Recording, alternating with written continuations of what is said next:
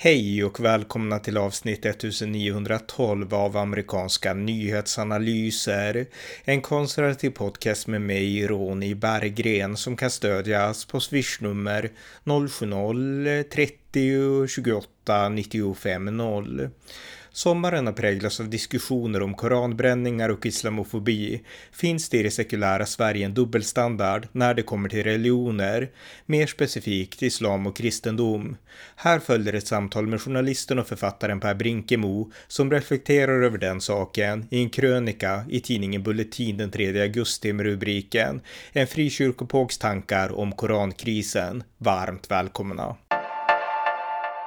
Per Brinkemo, välkommen! Tack. Du är journalist, du är författare och du är krönikör på tidningen Bulletin och eh, vi ska prata om en krönika som du skrev i början av augusti som handlar lite grann om koranbränningarna och om det sekulära Sveriges syn på religion. Men innan vi gör det så tänkte jag fråga, eller jag tänkte be dig helt enkelt berätta lite om dig själv. Vem är du lite kort? Uh, göteborgare i skånsk exil. Jag är sprungen frikyrkan, pingströrelsen och var väl lite av en påläggskalv där eh, och är dock inte med längre även om jag fortfarande ser mig som kristen i någon mening, får jag väl säga då. Eh, men jag har jobbat som journalist länge för media, alltså massa av de stora tidningarna och Uppdrag granskning och sånt där. Men sen har jag också då jobbat i en somalisk förening i, i Rosengård i, mellan 2009 och 2014 och har varit ute och föreläst nu i tio år för kommuner, myndigheter och så kring integrationsfrågor. Jag lärde mig väldigt mycket i den här somaliska föreningen om, om det som man idag säger är utmaningarna. Mm. Eh, ja, men jag, jag skriver, skriver och läser och föreläser kan man väl säga. Mm. Och eh, den här boken som du skrev om din tid när du arbetade i den här somaliska föreningen, det var väl den som gjorde att du vart lite känd? För jag vet att den här boken, det varit mycket prat om den och du fick väl börja föreläsa ganska mycket efter att den kom ut, va? Ja, faktiskt redan innan. Det, det, alltså det, har, det har varit ett stort sug ute eh, i verksamheterna, de människor som möter nyanlända. Ehm, så det var jag redan innan och ännu mer då och på heltid i massa år från 2014. Ehm, och jag, jag, jag, brukar säga det att det är lite lustigt att de två yrkeskårer som har betalt för att vara nyfikna, journalister och forskare, eh, där var det en enorm skepsis och, och till och med anklagelser medan de som stod i verksamheterna från, ja, redan innan boken kom, bjöd in mig till, till att föreläsa. Mm. Just det. Ja, det är intressant. Men det vi ska prata om just idag då specifikt, det finns ju mycket man kan prata med dig om, men det är den här krönikan som du skrev i tidningen Bulletin eh, den 3 augusti. Den heter En, fri, en frikyrkopågs tankar om korankrisen. Och den här sommaren har ju, alltså korankrisen är ju namnet därför att vi har pratat väldigt mycket om koranbränningar, rätten att hetsa eller kanske provocera religion beroende på vilken term man använder och eh, hur man ska som samhälle hantera sådana former av kriser. Och eh, du tar här avstamp i, du sa att du hade en frikyrklig bakgrund och i den här texten så tar du avstamp i den frikyrkliga bakgrunden. Och jag kan då avslöja att du är född 1960 och jag är född 1979 så att det är en viss generationsskillnad där. Så att du växte upp i en frikyrkrörelse som verkligen upplevde det sekulära samhället på ett, eh, alltså jag skulle säga ett nästan drastiskt sätt, på ett sätt jag inte upplevde på 90-talet. Men, men kan du börja där och berätta lite om din uppväxt och hur det var att vara kristen där på, jag förmodar mitten av 70-talet och hur Sverige var då egentligen? Alltså jag är som sagt då född 60 och eh, är eh, ung pojke när 68-rörelsen kommer och, och, den enorma förändring och utveckling som Sverige stod i då, alltifrån durreformen och eh, auktoriteter skulle inte längre finnas, allting plattades ner, det var en sexuell revolution, det var ett ifrågasättande av alla tidigare fasta värden. Eh, och det var, det var inte jättesynd om mig så, men jag påminns om detta hela tiden eh, nu när samma politiska riktning som då gick till storms mot sådana som oss eh, nu går till försvar eh, för just islam. Och, och, det var väl egentligen det jag ville lyfta i i texten då att, att det är ett ohyggligt hyckleri. Vilket visar att man då egentligen inte bryr sig om själva budskapet hos de här båda respektive religiösa riktningarna utan att det är något annat där. Alltså det är en maktanalys om vem som anses stark och inte eller var, var den svaghet parten så att säga. Men det, men det jag fann intressant och som är lite yngre, det var att du, du nämner till exempel Uppsala-professorn Ingmar Hedenius och du berättar om eh, eh, Monty Pythons Life of Brian och du berättar att det fanns liksom ett socialt, eh, vad ska jag säga, social, socialt tryck, det fanns mobbning, alltså det fanns liksom ett, eh, alltså ett, man tittade ner på religiösa och då mer specifikt kristna på ett sätt som jag faktiskt inte kan känna igen mig i. Alltså jag är lite nyfiken på hur, hur var det liksom, hur var uppväxten på, på 70-talet som kristen? Nej, men alltså det var tufft i skolan. Det var jätte att berätta att man tillhörde en frikyrka då var ju eh, oerhört jobbigt. Jag tyckte det var oerhört plågsamt och det var ju både då privat eh, eh, och, och i media. Alla debatter var eh, som bland annat Ingmar Hedenius dog i början på 70-talet men det var ju i hans anda fördes det vidare hans tankegångar där man raljerade enormt. Vilken vidskeplighet och, och hur tuntigt och, och intelligensbefriat det var att kunna ha en tro. Eh, och jag minns massa reportage från, från eh, tidningar och tv eh, där man verkligen raljerade. Och det, det skrevs just om pingstvänner att de är liksom galna fanatiker som talar i tungor i extas och hänger i takkronorna och klättrar på ribbstolar eh, på väggarna. Liksom. Alltså det, var, det, var, det var mycket sånt. Det var, det var inte helt enkelt så att säga eh, att växa upp och vara ung på den tiden. Och efter den här texten har väldigt många skrivit till mig och bekräftat stor igenkänning skriver de. Usch vad jobbigt det var. Mm. Men vi bet ihop och teg och led. Ja, det är intressant. Vi ska komma in på liksom just responsen, men jag tänkte också, alltså berodde det här, äh, det tryck som då fanns och liksom det här samhälleliga sättet att se på, på kristendom specifikt och frikyrklighet kanske i synnerhet. Alltså, eh, skulle man kunna spåra det till att samhället var så socialistiskt och eh, ateistiskt och kanske till och med marxistiskt, i, i alla fall hos de här akademiska tänkarna? Jo, det var en, ett citat man ständigt hörde var ju Marx citat att eh, religionen är ett opium från, för folket. Mm. Och att det, det, helt enkelt var eh, korkat att kunna tro på något så irrationellt som en gud. Men, men, men det, är ett, eh. det, det, är ett citat som alla kan liksom, men det användes alltså vardagligt. Det var liksom ett, ett, ja, ett slagord nästan, eller? På den tiden. Alltså, jag, ja, jag växte upp i en missionerande kristen kommunitet, eller som frikyrkan är, att man skulle berätta om Jesus. Och då, då kom man ju ständigt i samtal med människor på gator och torg, i skolan och överallt. Och, och, och det citeras väldigt ofta att religionen är ett opium för folket. Eh, och det var med en slags, ja, med en slags överlägsenhet och eh, aldrig fysiskt våld. Något sånt förekom ju inte, men man kände sig väldigt, väldigt udda. Och jag hade fått med mig det här från barnsten med modersmjölken. Så för, att, för min del var det ju inget beslut eh, i vuxen ålder att gå med där. Men detta var den uppväxt jag hade. Och eh, eh, inte helt enkelt. Om än jag inte tycker jättesynd om mig själv. Jag tycker också det var ganska fostrande nu när jag tittar tillbaka på det att kunna stå upp för mig själv och vad, vad jag tror och tänker. Men så lämnade jag också sen frikyrkan. Mm, mm. Jo, ja, men, men, kan... inte av det, in, men, men, inte av det skälet. Uh, in, in, inte för att jag var åtgången av omgivningen utan av, av helt egna reflektioner. Ja, precis. Mm. Men, men det intressanta här då, du skriver också att på den tiden man bet ihop och det var som det var ungefär. Eh, Medan idag så har det kommit en annan religion till Sverige som förmodligen knappt fanns på 70-talet och det är nämligen islam.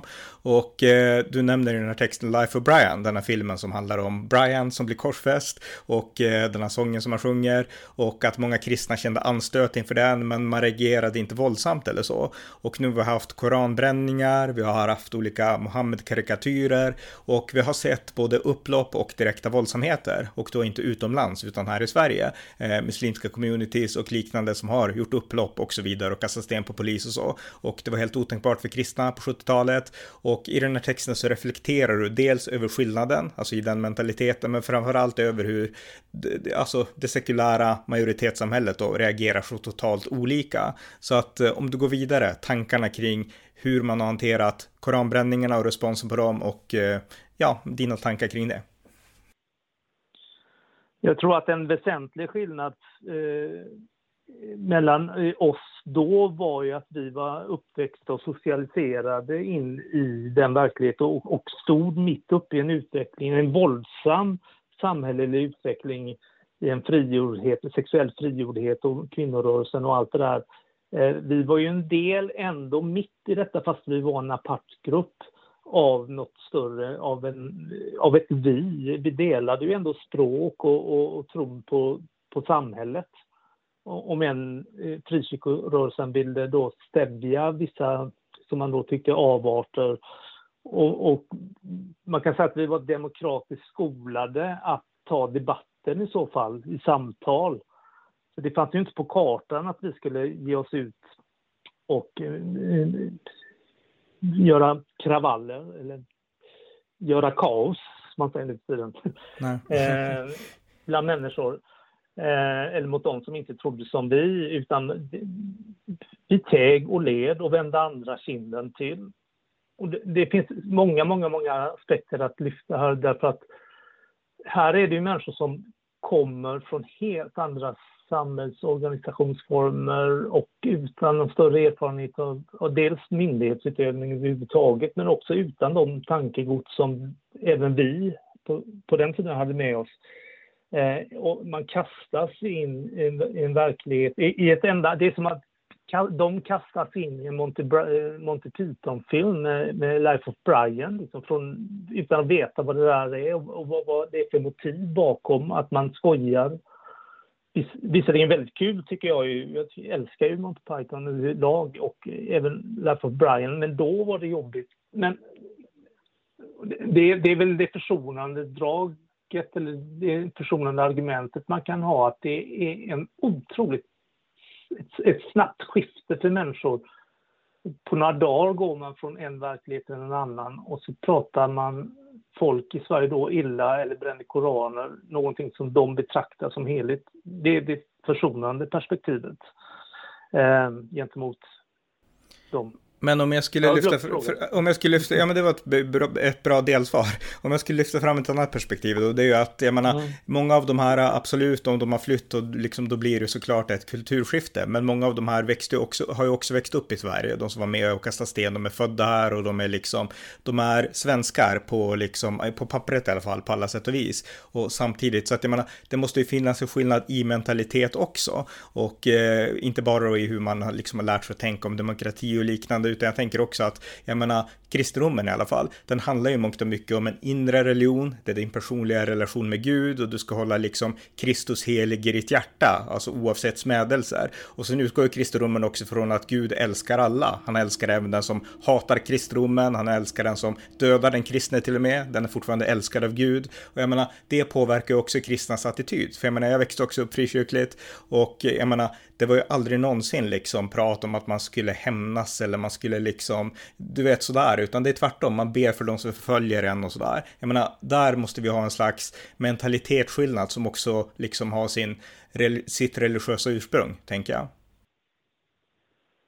Jo, alltså eh, det budskap man är präglad av och formas av och som man får höra, det är klart att det påverkar. Jag, eh, jag tror dock, och här, här, vet jag att många inte följer mig då, att jag, jag tror faktiskt att det min, har mindre att göra med själva teologin och de olika religionerna än, än den, eh, de, de samhällsstrukturer som människor kommer från. Och, och, då hamnar man i det som jag har skrivit så mycket om, om, om klansamhällen där där eh, just hämnden och blodshämnden är så viktig. Det finns, det finns en forskare som heter Ahmed, eh, Ahmed. Ahmed, Ahmed Ahmed S. Akbar som pratade om att väldigt många kommer från tribal islam, att man, gör en, man tolkar islam genom genom den samhällsstruktur som är klansamhället där, där, där just blodshämnden, hederskulturen är väldigt eh, dominanta kodex.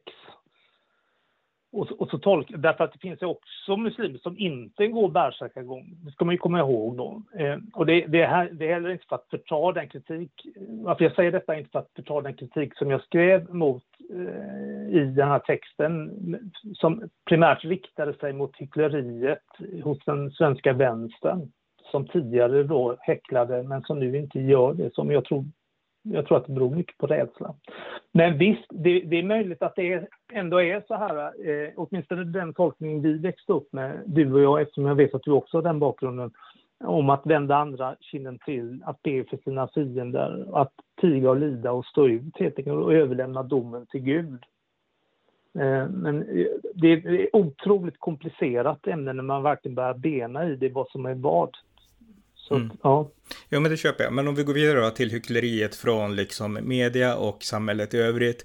Jag minns ju till exempel då, för det här var ju en del av min, inte ens tonårstid, utan jag var i 20-årsåldern, men eh, Elisabeth Olsson Wallin och hennes Ekehom-utställning. Och det handlar alltså om en mm. utställning där hon tecknade Jesus som naken och som homosexuell.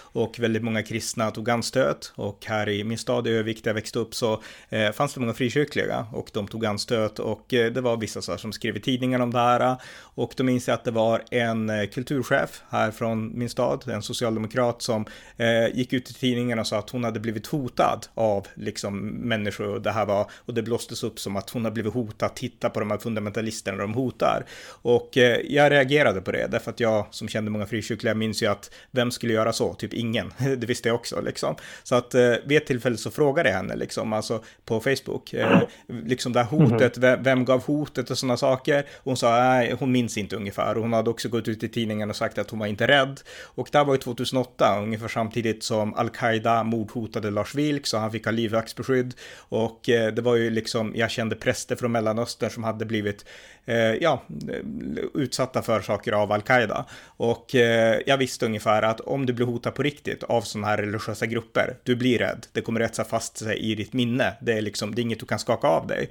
Så att bara på hennes reaktioner, när hon skrev saker känns som att nej men jag var inte rädd och jag minns inte liksom, då insåg jag att hmm, det här är inte ett riktigt hot. Det kanske är ett hot men det är inget du blir rädd för och det finns alltså inga likheter mot det här, alltså media försökte göra det till att de här kristna är liksom farliga och sådär, utan det här finns inga likheter mellan att bli hotad av Al-Qaida. Det finns ingen likhet mellan dig och Lars Vilks. Eh, det var en slutsats som jag drog.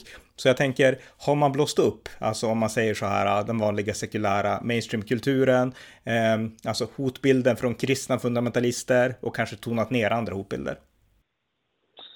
Det är jag ganska säker på. Det tyckte jag blev uppenbart när jag gick tillbaka här nu och läste om den händelsen inför den, här, den texten jag skrev i, i bulletin.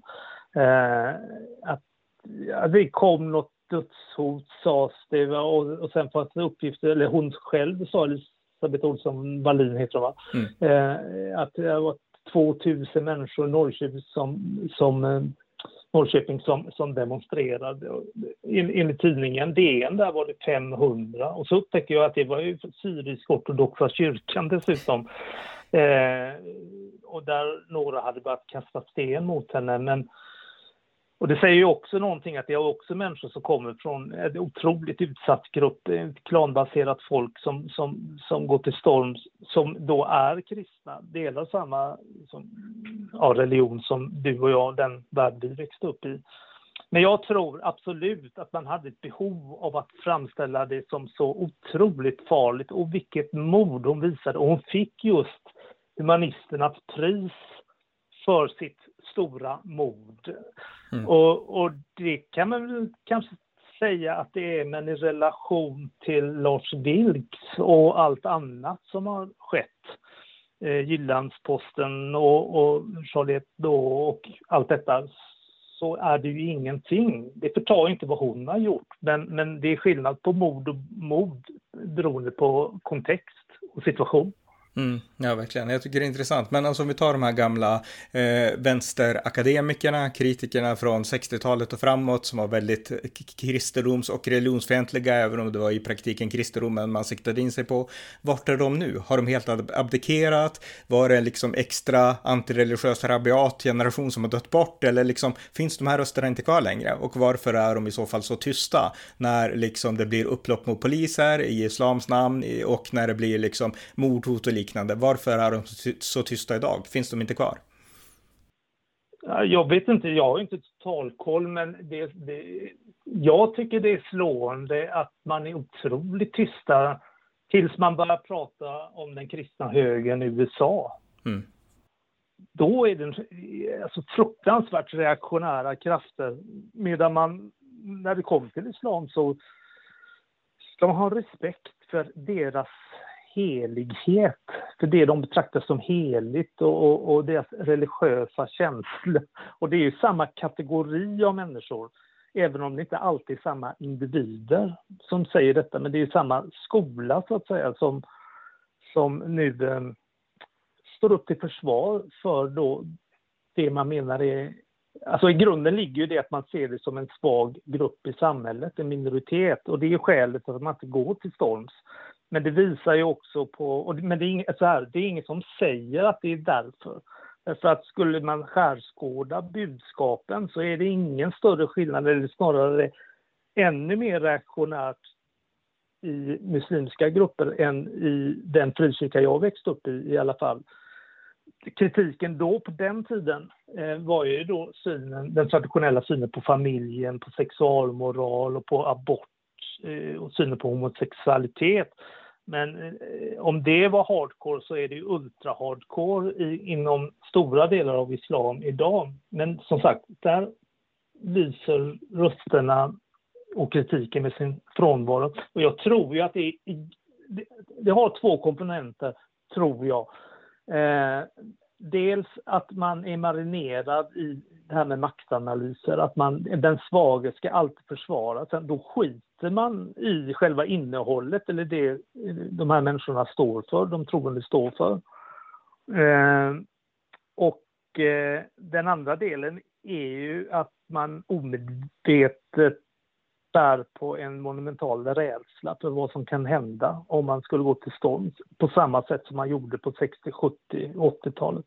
Mm. I alla fall 70-talet. Mm.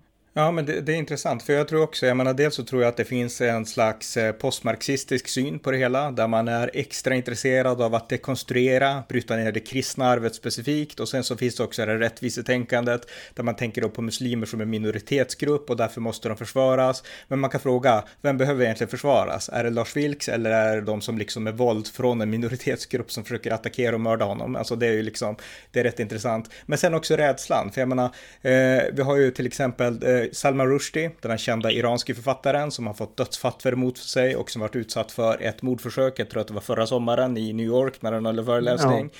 Och eh, vi har den här kända Eh, nu ska jag se om jag kommer ihåg namnet, men det är Richard Dawkins, den här kända ateisten i alla fall, jättekänd som har skrivit mm. böcker och så här och är väldigt religionskritisk, han är kritisk mot alla religioner. Men han intervjuades av en brittisk journalist eh, för några månader sedan tror jag, och han fick då en fråga om eh, Salman Rushdie och eh, vad han tänkte om det och han vägrade svara. Och han var ju väldigt, han är väldigt intellektuell och liksom tankefull så mm. han sa inte liksom nej jag vågar inte svara, men det var ändå att han undvek ämnet och det var så glasklart. Så att jag kunde ju, det här här är min tolkning då, men alltså min tolkning är att Richard Dawkins, han insåg att det här är farligt på riktigt. Om kristendomen kan man säga vad som helst, det kommer inte hända något, men yttrar man sig fel om islam, då kan det hända farliga saker. Titta på Salman Rushdie och titta på andra. Så att jag menar, rädslan är verkligen en faktor. Och jag tycker att det är så hycklande att den här vänstern inte vågar erkänna att de är rädda. Det, jag tycker att det är liksom, dels är det fegt, men det är också hycklande.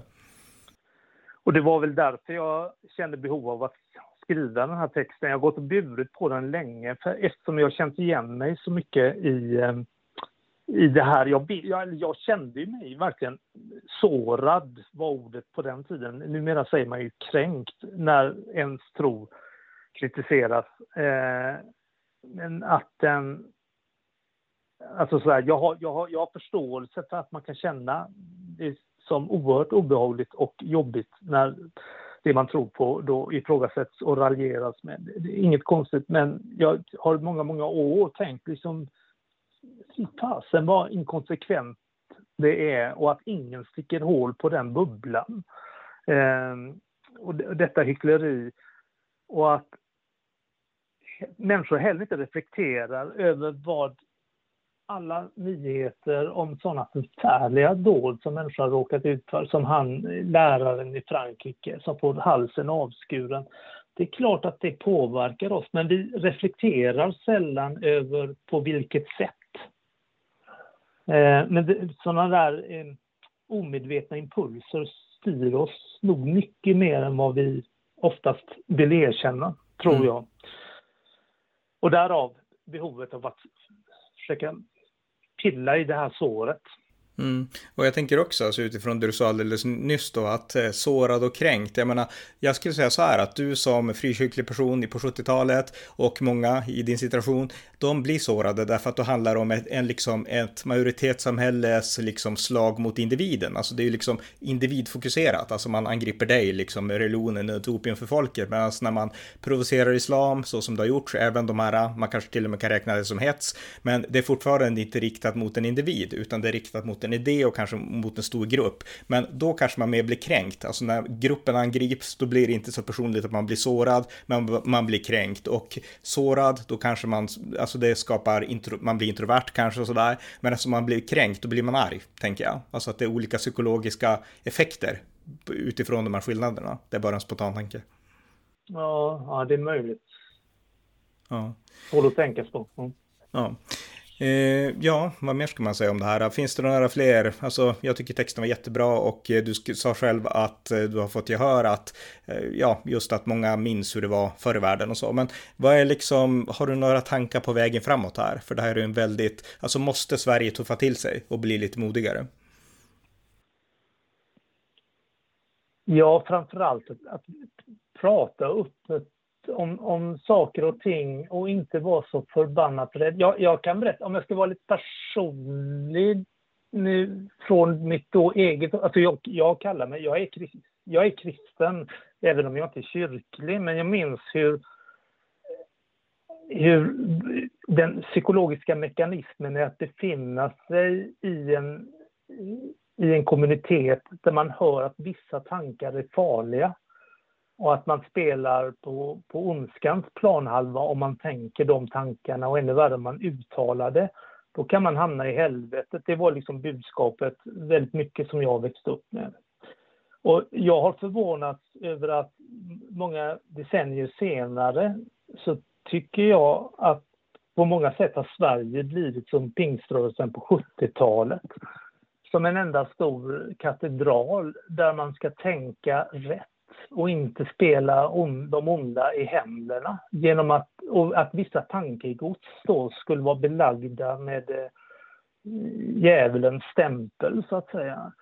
Eh, som är bara ren kunskap och jag erfor ju det inte minst när jag skrev mellan klan och stat. Det var ju från vissa håll, långt ifrån alla, men från vissa håll var det ju förfärligt att jag hade sån kolonial blick och att nu, det här skulle bara gynna SD. Jag skiter väl i SD. Jag har Eh, finns det klansamhällen? Kommer afghaner och irakier och palestinier och somalier från klansamhällen? Eh, ja, det finns hur mycket forskning som helst på detta. Kommer vi från sådana samhällen? Ja. Och min fråga var, hur kommer det sig att vi gjorde resan från klan till stat när så många andra inte har gjort det? Många stora delar av världen. Eh, det, det finns inget värderande i det. Och mitt, mitt mål var ju helt enkelt bara att försöka förbättra integrationen för att vi måste förstå att alla på jorden är inte svenskar med svenska erfarenheter. Men den typen av tankegods sågs då som, för att hålla i kristet språk, då, syndigt och farligt och kunde leda oss fel. Eh, när jag började tänka syndigt, inom situationstecken på den tiden, så upptäckte jag ju, vadå, det är inte alls farligt. Det är det bär. Jag hamnar inte i helvetet för att jag tänker så som jag trodde att jag inte fick. Utan det, det bär och det snarare vidgar min och kanske stärker min eventuella tro. Och likadant när det handlar om integrationsfrågor och, och synen på migration eller på, på de problem och de, eller som man säger idag, utmaningar vi står i. Så det påverkar inte mig i min syn på individer som jag möter. Jag möter varje individ med den respekt som de förtjänar. Eh, men jag kan väl också göra en analys att på makronivå så fungerar inte saker och ting som de ska. Då behöver vi förstå varför det inte gör det. Man måste helt enkelt då tänka haram eller syndiga tankar, det som många ser som sådana. Eh, det är inte farligt. Mm. Men, men jag tycker att ditt sätt att analysera är intressant, därför att jag menar som sagt, vi delar i viss mån samma bakgrund och jag menar, det jag lärde mig när jag, eller det jag har lärt mig i livet, det är lite grann att när man har lite den här smått religiösa bakgrunden som vi ändå haft. Jag menar, då lär man sig snarare att se vad som är sekteristiskt och inte. Alltså man blir inte sekteristisk, det finns de som blir det, men man, man kan också bli tvärtom liksom. Och jag har gjort exakt samma erfarenhet i media, jag menar jag har varit med i nästan all svensk media. Och eh, alltså det finns liksom ett tunneltänkande och det är liksom väldigt lätt att dra de här parallellerna, att det här är sekteristiskt, men ni ser inte en själva och ni, jag vet inte ens om ni vill se det själva. Alltså det är väldigt lätt, man ser igenom sånt väldigt lätt när man har våra bakgrund. Och jag tycker det... att, eh, har du också upplevt det förresten i mediasammanhang och så? Ja, ja, ja verkligen. Alltså, mm. jag, jag är hyperkänslig för, för det här flockbeteendet eh, som väldigt ofta då leder till, till näst, nästan till något sekteristiskt. Och då rent verbalt så säger ju folk att de, ja, vi är så fria och tänker själva och vi står i upplysningens tradition och bla bla bla. Eh, jaha, eh, och ändå går alla i flock. Och mm. ing, alltså vi, vi, är flockdjur och det, bör man, och det kommer vi inte ifrån. Vi kommer aldrig ifrån det. Men man ska ständigt ha ett självrannsakande och vakande öga på sig själv och tänka efter, är det här rimligt? Ja, alltså, det har ju varit så mycket som har varit så dumt de senaste 10-15 åren bland just sekulära människor som då representerade genom akademin och genom media där helt uppenbara saker har förnekats. Precis som religiösa människor har förnekat vissa helt uppenbara saker. Att, eh, eller inte tillåtit sig att tvivla, så att säga. Mm. Nej, men jag håller med, alltså, eh. sekularism är en form av religion, i alla fall så som det liksom präglas här i Sverige i, i många avseenden. Ja, ja, apropå Hedenius, jag kommer ihåg, eh, det, han, han fanns ju med hela min barndom, Ingmar Hedenius, Uppsala-filosofen som var den grymma kritiken. Och så, så tog jag mig mod att läsa honom och tyckte det var, det här var väl ingenting. Eh, så han efterfrågade bevis om det verkligen, om Gud, Jesus verkligen gick på vatten eller någonting. Men det, det här handlar inte om vetenskap, eh, utan det är just tro, en livsåskådning, någonting att förhålla sig till, en berättelse som kan skapa mening. Så han var inte alls farlig för mig som jag trodde. Han knäckte inte min tro, min tro på något som helst sätt. Vilket visar att det är bara bra att gå in i varenda skrymsle och undersöka, testa och prata med andra och inte vara så förbannat rädd för allting. Mm. Um, och detta, detta sker ju man kan ju säga att man kan på ett sätt förstå människor som har en väldigt metafysisk världsuppfattning och man verkligen tror på att man rent konkret ska hamna i helvetet. Men sekulära människor behöver ju inte frukta det, för de tror ju inte på detta. Och ändå är folk så konforma så att det är helt skrattretande. Mm, och så finns det ju den här alltså föreställningen av att alltså man vill också relativisera, alltså även om man kan se att det finns problem inom islam, alltså med hur många, inte alla, men många muslimer agerar och uppträder i samband med att deras religion på ett eller annat sätt blir ifrågasatt eller provocerad. Och då försöker man relativisera och säga att kristendomen är likadan. Och jag minns ett tillfälle, det här var efter morden, eh, de här islamistiska morden på Charlie Hebdo 2015. Och eh, då intervjuades religionsprofessor Mohammed Fashel Hashemi, en av mina gamla lärare, på SVT. Och han sa då mm. att, att, eh, ja men titta i, liksom visst det sker i islams namn ungefär sa han.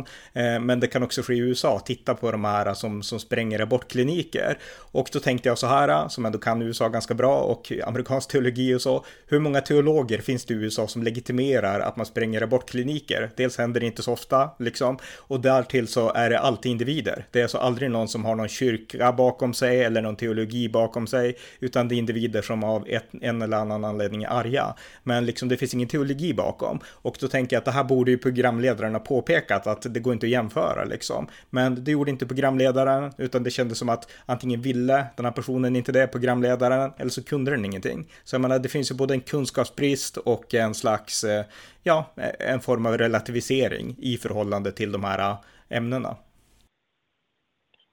Ja, eh, du kan USA långt mycket bättre än jag och jag är inte jätteinläst kring det här, de här sprängningarna på i abortklinik.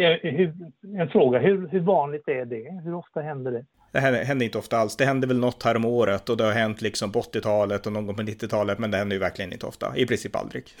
så att de, de kristna... där måste man ju alltid... Ja, men som du säger, man måste ju alltid fråga sig om, om det finns en social, generell social acceptans för sådana handlingar bland då kristna. Nej, det gör det, det inte. Man är, man, man, är emot, man är emot aborter, men man är inte emot liksom, alltså individer. Verkligen inte på det sättet. Nej, I den värld jag växte upp i så skulle ju det aldrig någonsin vara accepterat. Vare sig då eller nu. Eh, att, utöva, ju... att utöva våld mot abortverksamheter, menar du då? Nej, vad man än mm. tycker. Alltså även om de som var och är liksom tycker att homosexualitet är synd, att bete sig illa mot dem är ju, och framförallt då att utöva fysiskt våld eh, mot dem. Eh, det finns inte på kartan. Eh, Nej, och man tänker då att det ska en svensk programledare veta, så han kan säga så här, men det där, det går inte att jämföra liksom. Men de saknar den kunskapen inom svensk media, det är så jag känner. De, ska, de vill, de är liksom på något sätt fostrade i att man måste relativisera, för annars är man orättvist, annars kanske man tänker kolonialt, och därtill så saknar man kunskap att kunna se igenom. Alltså det, det här är ett stort problem, känner jag, i svensk media på, på, ett sätt kan man nog säga, tänker jag att det, det är, eller det är så här, jag skrev tidigare en text i Smedjan som, som eh, att det, det, det är något eh, otroligt tragikomiskt eh, över att just när Sverige har blivit så genomsekulariserat så kommer mer religiösa människor än vad våra förfäder var Eh, och att Gud sitter i sin himmel och ler i mjugg när han tittar på oss och undrar hur ska de här klara av att hantera eh, zoroastrister och buddhister och muslimer och mandéer och kaldéer och all, alla möjliga. Och eh, jag skrev det därför att jag tror att man är inte skickad, man är så dels är man obildad och dels har man ingen, de allra flesta har ingen erfarenhet av en religiös kontext, man har ingen förmåga, man har inte verktyg till att tolka religion. Och då blir det den enkla vägen att ja, vi ser dem som utsatta och då ska vi inte alls kritisera utan då relativiserar vi istället. Så att det, eh, det är dålig timing kan man säga att just den stora invandringen kom just när vi hade gått som längst i progressivitet och i, i någon ja, liberalism och, och sekularism. Det, det, är intressant, för, för att citera Chesterton, those who, believe, those who believe in nothing will soon believe in anything. ja. ja, men lite så. Det, det, gör oss vapenlösa och korkade helt enkelt. Ehm, och att man inte förstår eh, ja, som jag avslutar texten, Fader förlåt dem, för de vet inte vad de gör. De, eh, eh, ja, Mm. Jag, Nej, det, det, jag tänk, Mm. Det är en bra avrundning, men jag tänkte så här, alltså, allra sist då, alltså, eh, för jag anser att ett av liksom, grundorsakerna till de problem vi har, det är just media, att media inte förmår sig, har liksom bredare perspektiv, att de inte kommer ur sitt tunnelseende, att de har för lite kunskap, alltså hur ska vi få svensk media att våga vara lite mer kritisk, inte hatisk, inte liksom hetsande, absolut inte, men ändå kunna tänka lite mer kritiskt om saker och ting, och då menar jag inte bara kritiskt om Sverige och om västvärlden och om svenska politiker, utan liksom kunna analysera världen lite mer kritiska ögon och lite bredare perspektiv. Hur, hur ska man liksom få media att bli mer så? Ja du. det var ingen lätt fråga. fråga.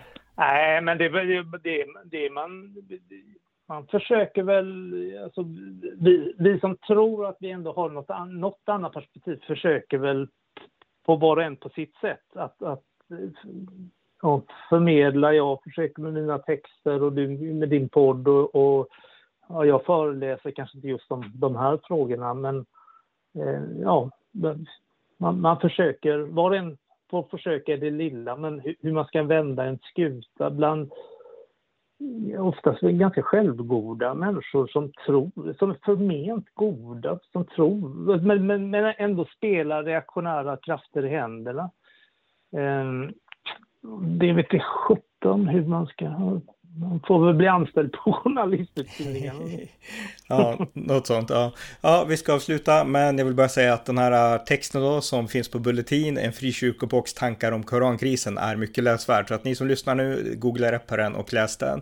Och med det sagt så vill jag säga stort tack till dig, Per Brinkemo, för att du ville ta dig tid att vara med här, för att det här var jättetrevligt samtal. Tack så mycket.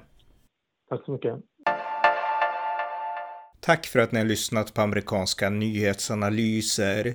En konservativ podcast som kan stödjas på swishnummer 070-30 28 95 0 eller via hemsidan på Paypal, Patreon eller bankkonto. Skänk också gärna en donation till valfri Ukraina-insamling. Vi hörs snart igen. Allt gott tills dess.